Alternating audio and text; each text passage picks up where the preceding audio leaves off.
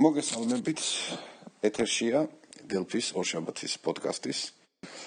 ამჯერად უკვე ნომერი პირველი გამოშვება, ვინაიდან როგორც ადრე გითხარით, ის პირველი გამოშვება წინა კვირის იყო საპილოტე. ამიტომაც სრული პასუხისგებლობით შეგვიძლია მიმდინარე გამოშვებას ნომერი პირველი დავარქვათ. გავიდა ერთი კვირა, ამ ერთი კვირის განმავლობაში წინა გადაცემასთან დაკავშირებით საკმაოდ ბევრი მოსაზრებები შემოვიდა, შემოვიდა კრიტიკაც, შემოვიდა საქებარი სიტყვებიც.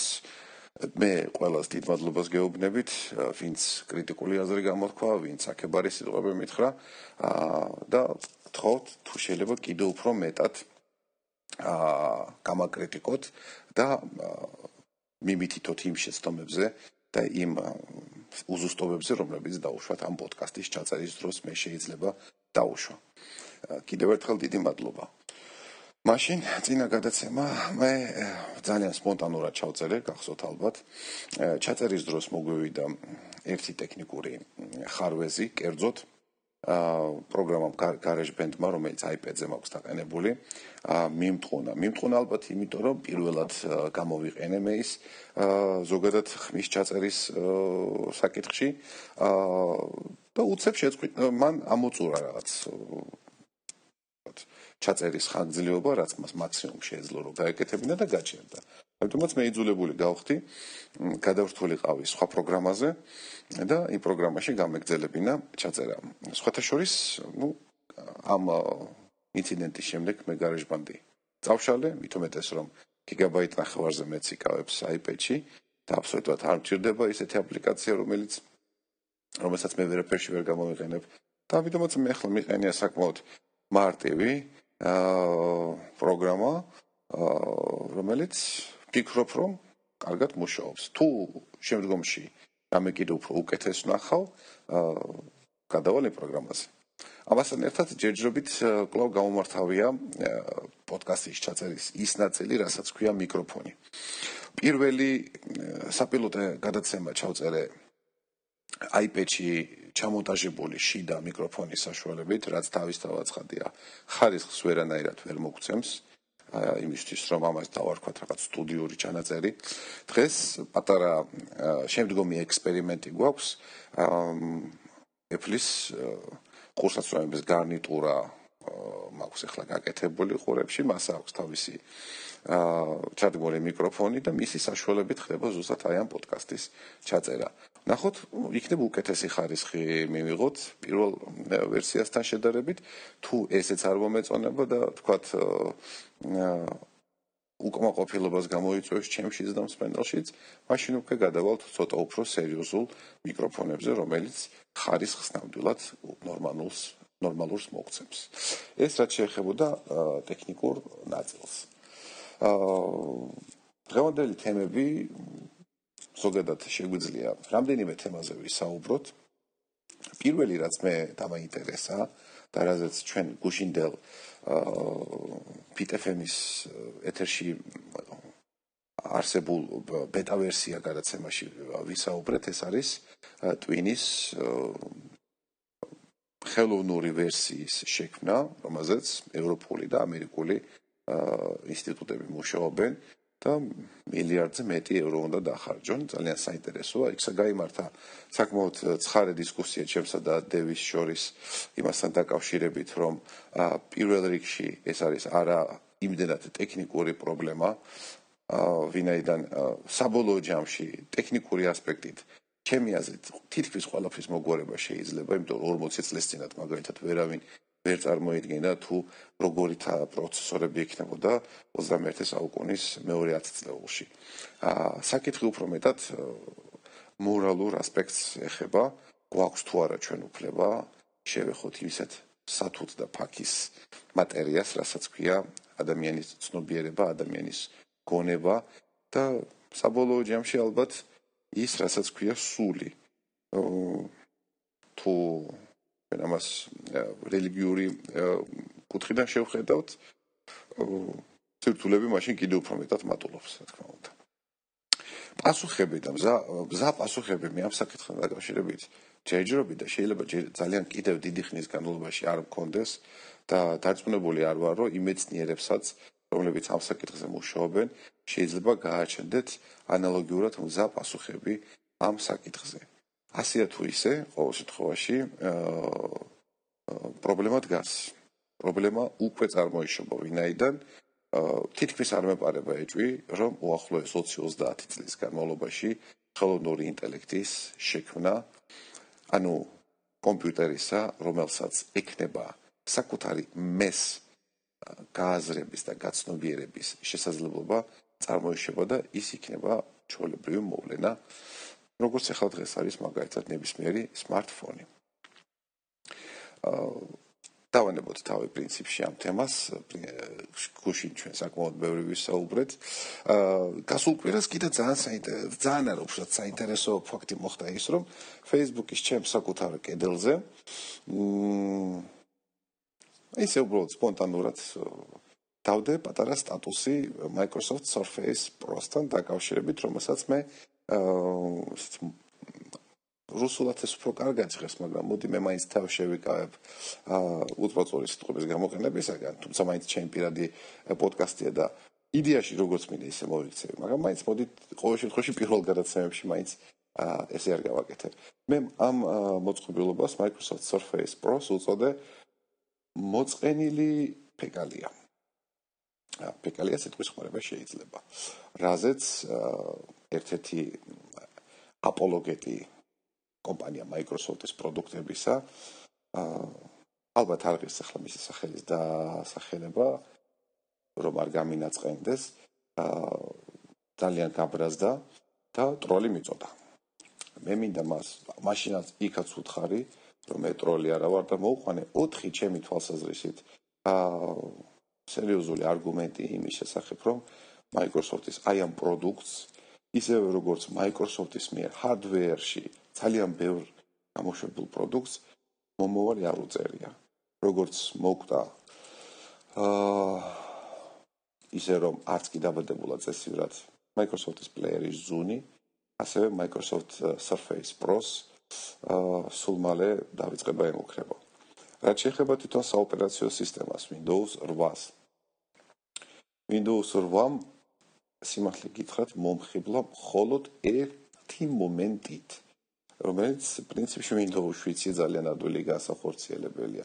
სულთა ვიზუალურ საკითხზე აქ საუბარი მე ახლა არ ჩაუღმავდები აა ტექნიკურ და თქვა ბირთვის დონეზე მიმდინარე პროცესებს.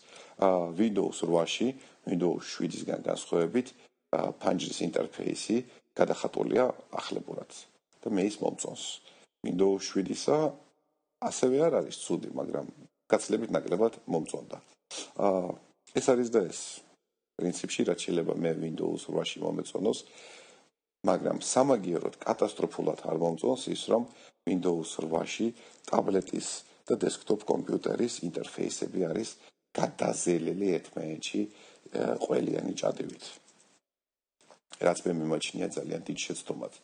აა თუ ამ პოდკასტის მსმენელებთაგან რომელიმე ჩემს ძველ ბლოგზე შესულ ხართ, ასე წეიწად ნახევრის წინ მე მქონდა საკმაოდ დიდი სტატიის ნათარგმნი ვერსია, რომელიც ორ ნაწილად ჰქონდა გაყოფილი და რომელიც ზუსტად ეხებოდა Windows 8 კონკრეტულად RT ვერსიას, რომელიც რომელიც როგორც ჩვენ ვხედავთ, ახლა ვერანაირ დიდ წარმატებებს ვერ აღწევს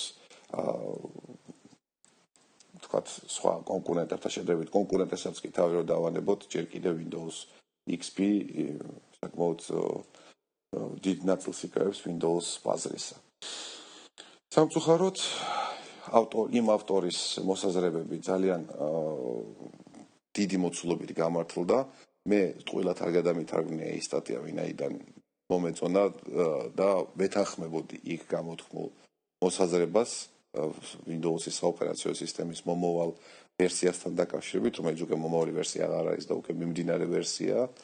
აა სამსახურში, სახლში მე Windows-ი არ მაქვს, ძალიან კმაყოფილი ვარ ამის გამო, ძალიან მშვიდად მაქვს ნერვები და მხოლოდ და მხოლოდ სამსახურის კომპიუტერში ერთი ვირტუალური ფაილის სახით მიგდია, რომელზეც ხანდახან განსაზღვრული სახის პატარა ექსპერიმენტების ჩატარება მიწევს ხოლმე. ასე რომ, საერთო ჯამში თვის განმავლობაში, დიდი დიდი 1 საათის განმავლობაში ვიმუშაო Windows Windows სისტემაში.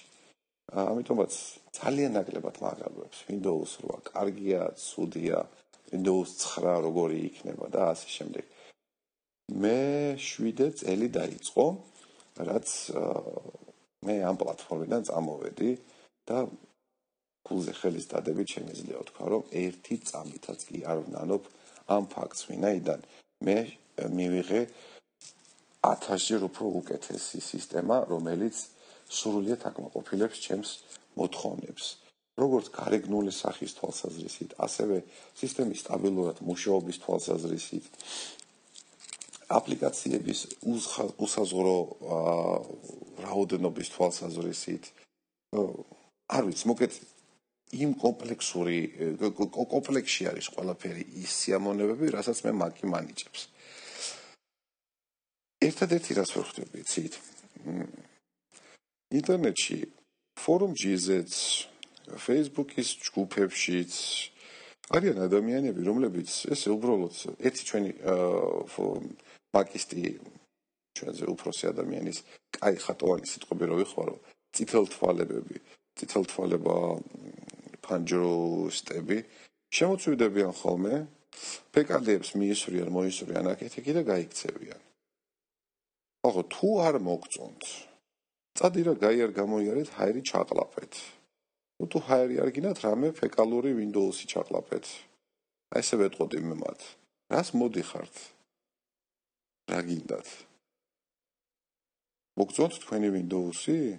მეთქვა შედობაში მოგახმაროთ ცუდია მაკი? ეს ჩვენი პრობლემაა.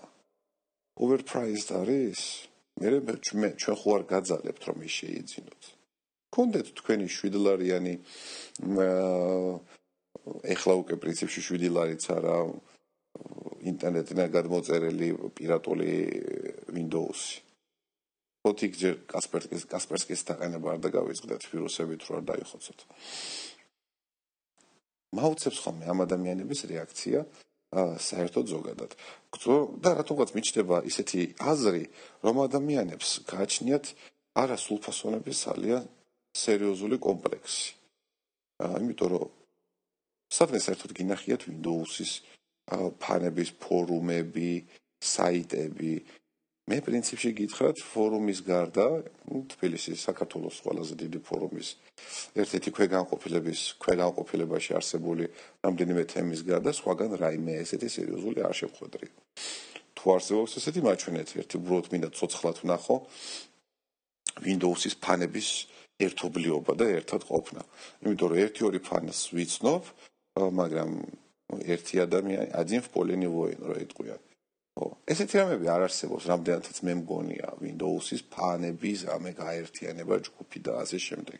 სამაგიეროდ არის Mac-ისტების ჯგუფები, Linux-ისტების ჯგუფები, Android-ისტების ჯგუფები და ასე შემდეგ.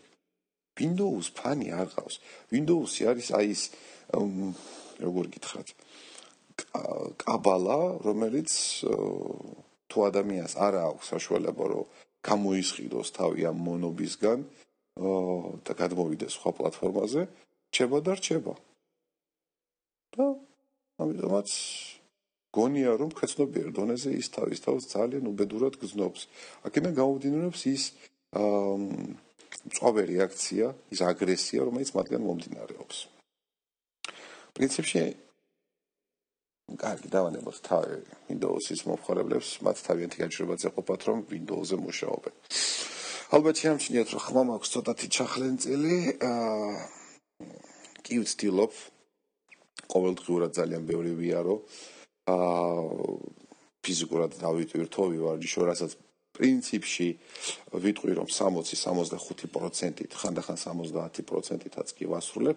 მაგრამ ეთქობა გუშინ ცოტათი გავცივდი იმიტომ რომ აა ყველა ჩემი შარფი ყველა ჩემი ქუდი უცებ მოხდა რომ აღმოჩნდა გარეცხილი და ნუ მინდოდა არ მინდოდა ახლა სველს ვერ დავიხურავდი ვერ გავიკეთებდი აა წავედი და შესაბამისად დღეს დღის განმავლობაში მაქვს ესეთი ჩახლეწელი ხმა უკვე მე 6 ჩიქა ჩაი გიახელით ლიმნით ძალიან გემრიელი.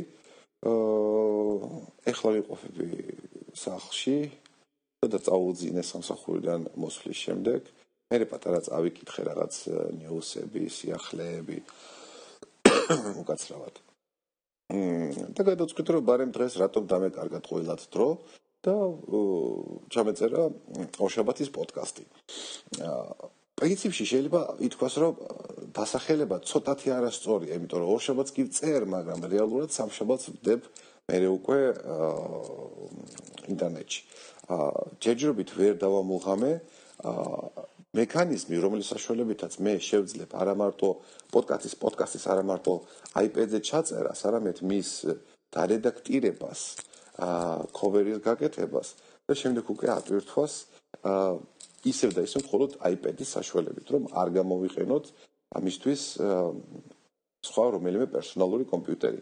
ეხლა მე ვარ პროგრამების აქტიურ ძიების პროცესში და იმედია შემდეგი უკვე მეორე ნომერი გამოშვება მთლიანად მომზადებული იქნება iPad-ის საშუალებით, ანუ ჩაწერა, მასტერინგი და შემდეგ უკვე ბლოგზე ატვირთვა და თქვა მსმენელისთვის ისი მიწოდება.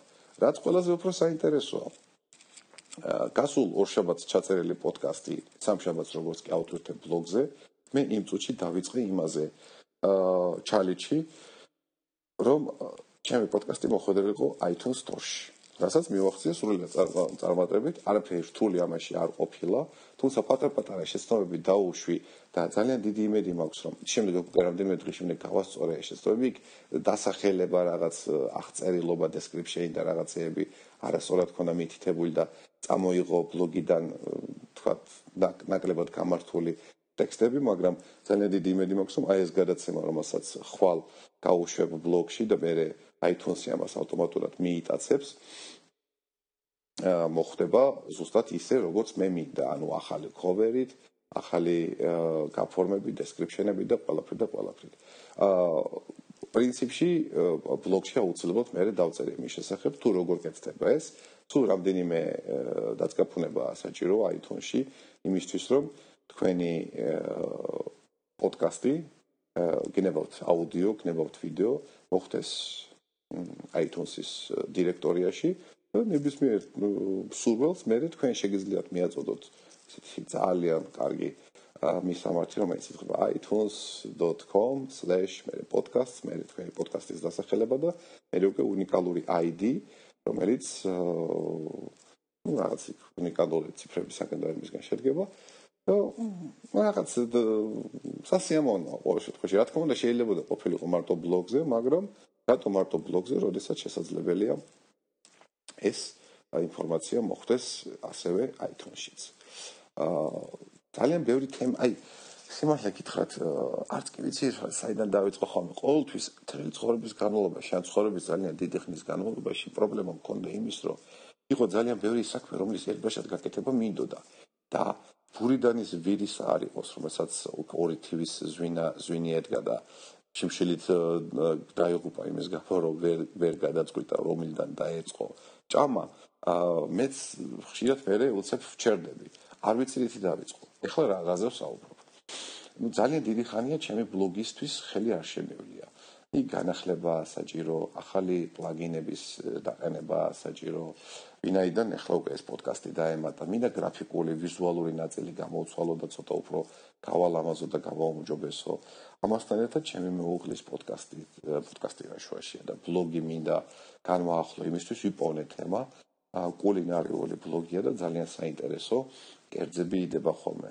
ერთ მაგ კერძება კერძება მიქნა ის რომ არანორმალურად გავსუხთი და ეხლა პირიქით ვიწყებ ძალიან აქტიურ დაწყებული მაქვს უბრალოდ აქტიური ფიზიკური დატვირთვები და დიეტები იმისთვის რომ ეს ძალიან ძალიან ბევრი კილოგრამი რომელიც მოვიმატე დავიკლო და ჩავდგე ფორმაში. აა ეს იგი ჩემ ბლოგი გასაკეთებელია მეუღლის ბლოგი გასაკეთებელია. აა ლოკალიზაცია რომელიც მე ძალიან მიყვარს და ვინაიდან WordPress ვიყენებ მე ყველა ჩემი საიტების გასაკეთებლად. გაქართულები, ისე ფოლოვერსების გაქართულებებია დასასრულებელი. მართალია Drupal-საც ვიყენებდი ადრე ერთ-ერთი ბლოგის გასაკეთებლად, ერთ-ერთი საიტის გასაკეთებლად, მაგრამ მისმა სირთულემ და საკმაოდ ისეთმა პრობლემატურმა მუშაობამ, ვინაიდან ძალიან ბევრ სერვერულ სერვერულ რესურსებს ითხოვს, ხელი ამაღებინა ყოველ შემთხვევაში დროებით მაინც და ჯემუგის გემუგის საიტიც პორტალი უფრო სწორად ასევე მინდა რომ WordPress-ზე გავაკეთო. იქ საერთოდ ყამირია და არაფერი აა ერთი მაქვს სტაბი დაყენებული ტერმინატორი, რომელზეც წერია რომ ადამიანებო ეს საიტი მალე ამუშავდება, მაგრამ ეს დევს უკვე მეხუთე თვეა. ძალიან ცუდია. რატომ? არის ერთი ესეთი მარტივი სიტყვა პროკრასტინაცია. ვიკიპედიაში ის კარგად არის აღწერილი, მაგრამ მოდით მე შემდეგ გადაცემისთვის, ეხლა უკვე ჩავენიშნავ ფურცელზე, რომ გადაცემის პირველი ნაწილი მიუძღვნა თემას თუ რა არის პროკრასტინაცია, საიდან წარმოიშობა, რატომ გვემართება და როგორ დავახციოთ თავი აი ამ ძალიან ცუდ სენს, რასაც ქვია, აა დღეს გასაკეთებელი, მარტივად რო ვთქვა, დღეს გასაკეთებელი საქმის სახვალიოდ გადადება. მე ხვალ გადავდებთ ზეგზე, ზეგიდან იქით ზეგზე და მოკლედ საქმე ჩერდება და არაფერიც არ კეთდება. ესე იგი, ბლოგინგი, ესე იგი ბლოგის დეველოპინგი გასაკეთებელია. ლოკალიზაცია გასაკეთებელია. აა შემდეგ კიდე რა გვაქვს?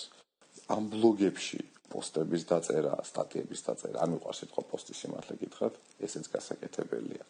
ამის გარდა ქართულ ელექტრონულ წიგნებსაც ვაკეთებთ, ანუ ტექსტები მოვიზიდეთ საქართველოს ეროვნული ბიბლიოთეკის საიტიდან. ვფიქრობ, რომ მე ამით არ ვარღვევ არანაირ საავტორო უფლებებს, ვინაიდან აა მხოლოდ და მხოლოდ იმ ავტორების ნაწარმოებებს გადავაქცევ EPUB ფორმატში და წიგნებად, რომლებიც გარდაცვლილები არიან 70 და უფრო მეტი წელი.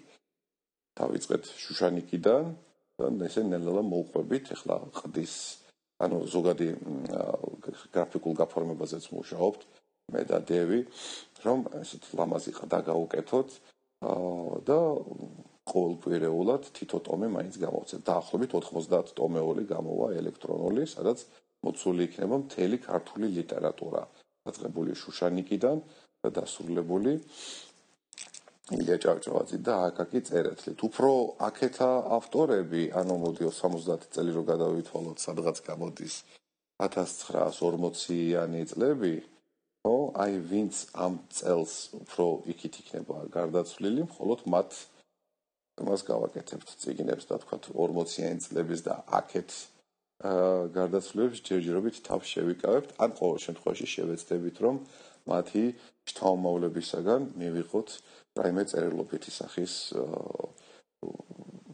ნებართვა, რათა ეს ციგნები გავაციფრულოთ, ან თუ უკვე გაციფრებული მონაცემები არსებობს, ისინი ვაქციოთ სხვადასხვა რიდერებში წასაკითხ ხელსაყრელს იგი კომფორტულად წასაკითხ ფაილებად. რა თქმა უნდა, აუცილებლად გათვალისწინებული იქნება როგორც iPad, iPhone, Sony-ს რიდერები, ასევე Kindle-იც, იმიტომ რომ Kindle-ს ცოტა განსხვავებული ფორმატი აქვს და აუცილებლად Kindle-ის მომხმარებლებსაც არ დავტოვებთ ყურადღების გარეშე. კიდე რა გვაქვს გასაკეთებელი ხო? ამ იმდენი თემა. ხო. ყველაზე რთული და ყველაზე მძიმე რაც არის გასაკეთებელი 2013 წელს ეს არის საქართველოს მაკის მომხმარებელთა ასოციაციის მორიგი ყრილობა, რომელიც 4 წელიწადში ერთხელ უნდა ჩატარდეს დიახ წელს 1 აპრილს გემუგი 4 წლის ხდება და შესაბამისად ხელახლა უნდა გამართოს ყრილობა სადაც უნდა ხელახლა აირჩიონ გამგეობა, გამგეობის წევრები, გამგეობის თავმჯდომარე და დაისახოს შემდგომი მორიგი 4 წლის სამუშაოები. თუ რა უნდა გაკეთდეს, რა მიმართულებით უნდა ვიმოძრაოთ, რა იქნება ჩვენი პრიორიტეტები და ასე შემდეგ და ასე შემდეგ. პრობლემა ძირითადად იმაში მდგომარეობს, რომ დაფუძნებლები არიან ძალიან ბევრი 23 თუ 27 ადამიანია და ამ ადამიანთა გარკვეული ნაწილი საქართველოში არ ცხოვრობს. შესაბამისად, მათი კონკრეტულად ამ თარიღისთვის ჩამოსვლა შეუძლებელია, მასშადამე მათ უნდა გამოაგზავნონ შესაბამისად დადასტურებული მინდობილობები, აპოსტილით, მთელი თარგმანებით და ასე შემდეგ და ასე შემდეგ იმისთვის, რომ მათი ხმა თვალისწინებული იყოს არჩევნების პერიოდში. არჩევნები ფიქრობ რომ უნდა დაინიშნოს სადღაც აპრილის თვეში, აპრილში ან მაისის თვეში. ეს რომელსაც არც ისე ბევრი ბევრი დრო რჩება, სადღაც 2 თვე რჩება ამისათვის და მე მაქსიმალურად ვეცდები რაც შეიძლება სწრაფად გავაკეთო ძინა მოსამზადებელი სამუშაოები. აა მაგრამ ყველაზე ბევრი დატვირთვა, თუ ისე დატვირთვის თემებს დაუბრუნდებით, მაინც მე მაქვს სამსახურში, ვინაიდან აა ერთ დღესაც ავდექი, დავჯექი და ჩამოვთვალე ყველა ის სამსაქმე, ესეთი to-do list-ი შევადგინე, რომელიც მე უნდა ვაკეთო სამსახურში. გამოვიდა 37 პუნქტი. ამ 37 პუნქტ, ამ 37 პუნქტისგან შემდგარ სიაში ყველა ამოცანა ერთ დღეს გასაკეთებელი არ არის. არის ამოცანები, რომლებიც თქვა კვირაში სამჯერ უნდა შესრულდეს, ზოგი ორ კვირაში ერთხელ, ზოგი თვეში ერთხელ, ზოგი სამ თვეში ერთხელ, ზოგი ყოველ დღე. მაგრამ გამერთმონებით, რომ 37 პუნქტისგან შემდგარი სამუშაოთა სია ნამდვილად პატარა არ არის. აა დავიწყე წლევანდელი წლიდან კალენდარში ძალიან სკრუპულოზურად, რა თქმა უნდა, ესე და ესე მაგის კალენდარში სკრუპულოზურად შემოქვს თუ თითოეულ დღეს რა უნდა გავაკეთო. ესე ძალიან კარგი თემა იქნება. GTD getting things done. Um, ეს არის მეთოდოლოგია, ალბათ ხსმენიათ იმის შესახებ, თუ როგორ უნდა ვაწარმოოთ ჩვენ მაქსიმალურად ეფექტურად ჩვენი ყოველდღიური, ყოველკვირეული და ასე შემდეგ საქმეები, იმისთვის რომ ჩვენ რაც შეიძლება მეტად პროდუქტიულები ვიყოთ. მე ვერ ვიტყვი რომ GTD იდეალური ვარიანტია და ვფიქრობ რომ თითოეულ ადამიანმა თავის თავს თავისთვის თვითონ და მოირგოს ასე ვთქვათ ეს მექანიზმი, მაგრამ ყოველ შემთხვევაში აბსოლუტურად დაუგეგმავთ მუშაობას, რა თქმა უნდა ეს ჯობია და უკეთესი იქნება თუ ჩვენ გვექნება როგორც მინიმუმ ერთი კვირის ერთი კვირის განმავლობაში გაწერილი ის სამუშაოები, რომლებიც ჩვენ უნდა შევასრულოთ. აღარ ვლაპარაკობ უფრო მეტ, უფრო დიდ პერიოდებზე. თუმცა დამერწმუნდეთ, რომ ერთწლიანი დაგეგმარება ძალიან ძალიან კარგი რამე იქნება. მოგეთ როგორც ხედავთ, დღესაც ისე თავისუფლად ვისაუბრეთ კონკრეტულად არაფერზე და ზოგადად ყველაფერზე. აა დიდი მადლობა ყურადღებისათვის. დღეს ჩვენი გადაცემა ამით დასრულებულია. იმეს ვიტყოდებ, რომ თქვენთვის ის საინტერესო იქნება. კიდევ ერთხელ შემეთხოვნა იქნება, რომ ამ გამოშვების მოსმენის შემდეგ გამოუშვით, რაც შეიძლება მეტი კონსტრუქციული კრიტიკა, თუ რა არ მოგწონთ, რა მოგწონთ, რჩევები, წინადადებები და კითხვები. მე ამ კითხვებზე შევეცდები თითოეულ გადაცემაში აუცილებლად გავცე პასუხი. შეგიძლიათ შემეკითხოთ ლოკალიზაციის შესახებ, შეგიძლიათ შემეკითხოთ Apple-ის შესახებ, შეგიძლიათ შემეკითხოთ WordPress-ის დეველოპინგის შესახებ. აა ან საერთოდ ზოგადად ისე კითხვები, რაც თქვენ გაგიხარდებათ. თუ მე ჩავთვლი შესაძლებლად რომ ამ კითხვებზე პასუხი გავცე, აუცილებლად გავცემ პასუხს. დიდი მადლობა. ახონდის.